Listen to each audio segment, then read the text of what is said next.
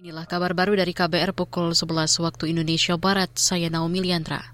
PT Pertamina Patra Niaga buka suara soal warung tidak lagi bisa menjual gas LPG 3 kg.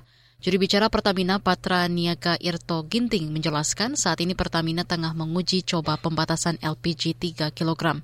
Uji coba dilakukan di lima kecamatan subpenyalur atau pangkalan resmi Pertamina, di antaranya di Tangerang, Semarang, dan Batam. Ia mengatakan pembeli diwajibkan membawa KTP untuk sinkronisasi data di pensasaran percepatan penghapusan kemiskinan ekstrim atau P3KE. Kendati begitu, Irto mengatakan untuk warung atau pengecer masih bisa menjual LPG 3 kg secara terbatas. Melansir CNN Indonesia, uji coba akan diperluas dan ditetapkan di berbagai daerah. Sebelumnya, Dirjen Minyak dan Gas Kementerian ESDM Tutuka Aryaji mengatakan, pemerintah akan menguji coba pembatasan pembelian LPG 3 kg secara nasional mulai tahun ini. Kita ke informasi olahraga. Klub sepak bola PSMS Medan membubarkan tim secara permanen usai PSSI menghentikan Liga 2 dan Liga 3. Manajer PSMS Medan Mulyadi Simatupang mengatakan timnya tetap memberikan hak-hak pemain seperti tiket pulang dan 50 persen gaji. Ia menyebut keputusan PSSI telah memadamkan harapan pesepak bola daerah untuk berkembang. Sikap kami sangat kecewa kepada khususnya para ISKO PSSI berpikirnya terlalu pendek bagi kami mencederai sportivitas juga membunuh harapan daripada bakat-bakat sepak bola.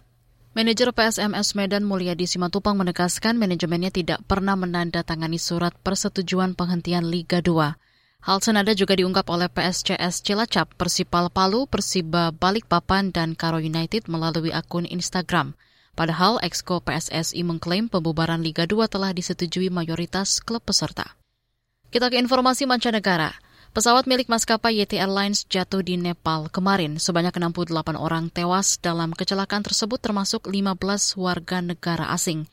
Warga asing yang menjadi korban berasal dari India, Rusia, Korea, Australia, Argentina, Prancis, dan Irlandia.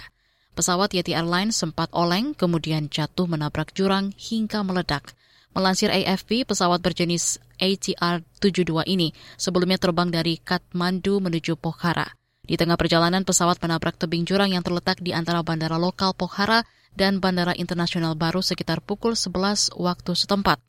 Otoritas penerbangan sipil Nepal melaporkan pihak Angkatan Darat dan berbagai departemen kepolisian langsung dikerahkan ke lokasi kecelakaan. Menurut data Aviation Safety Network, kecelakaan itu merupakan ketiga terparah yang terjadi di pegunungan Himalaya.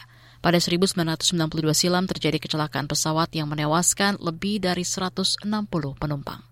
Demikian kabar baru, saya Naomi Liandra undur diri.